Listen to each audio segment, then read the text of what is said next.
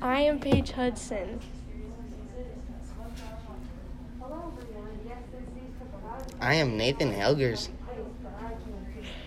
So, what is happening?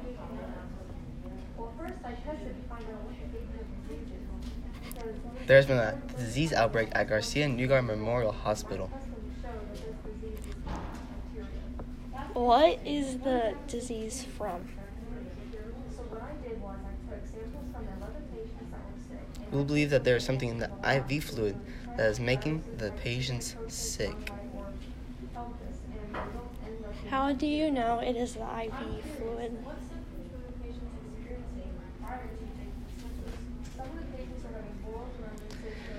There was bacteria in the IV fluid that we found when we were studying the bacteria, and we found that the infection was a staph infection.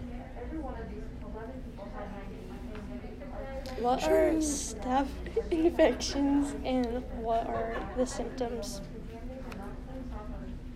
Where is that?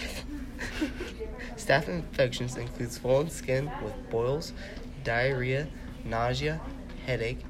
Staph infections can turn deadly if the bacteria invades deeper into the body or enters the bloodstream, resulting in fever, joint, and muscle pain. Are you sure it is from the IV fluid?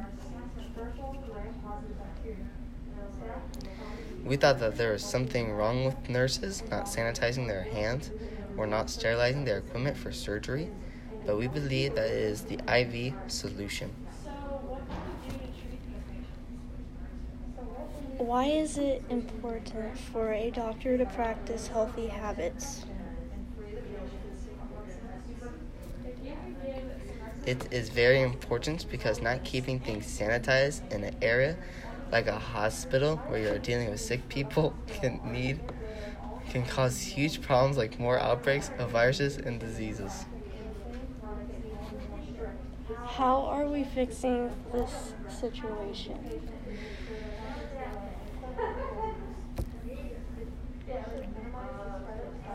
We are recommending that we switch over to another company for IV fluid while the other infected company has a recall.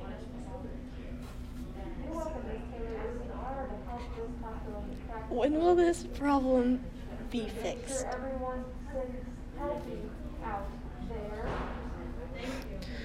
We are doing everything we can to fix this problem, but there is nothing to worry wor- worry about. Ev- everything will, will be back back to normal really soon.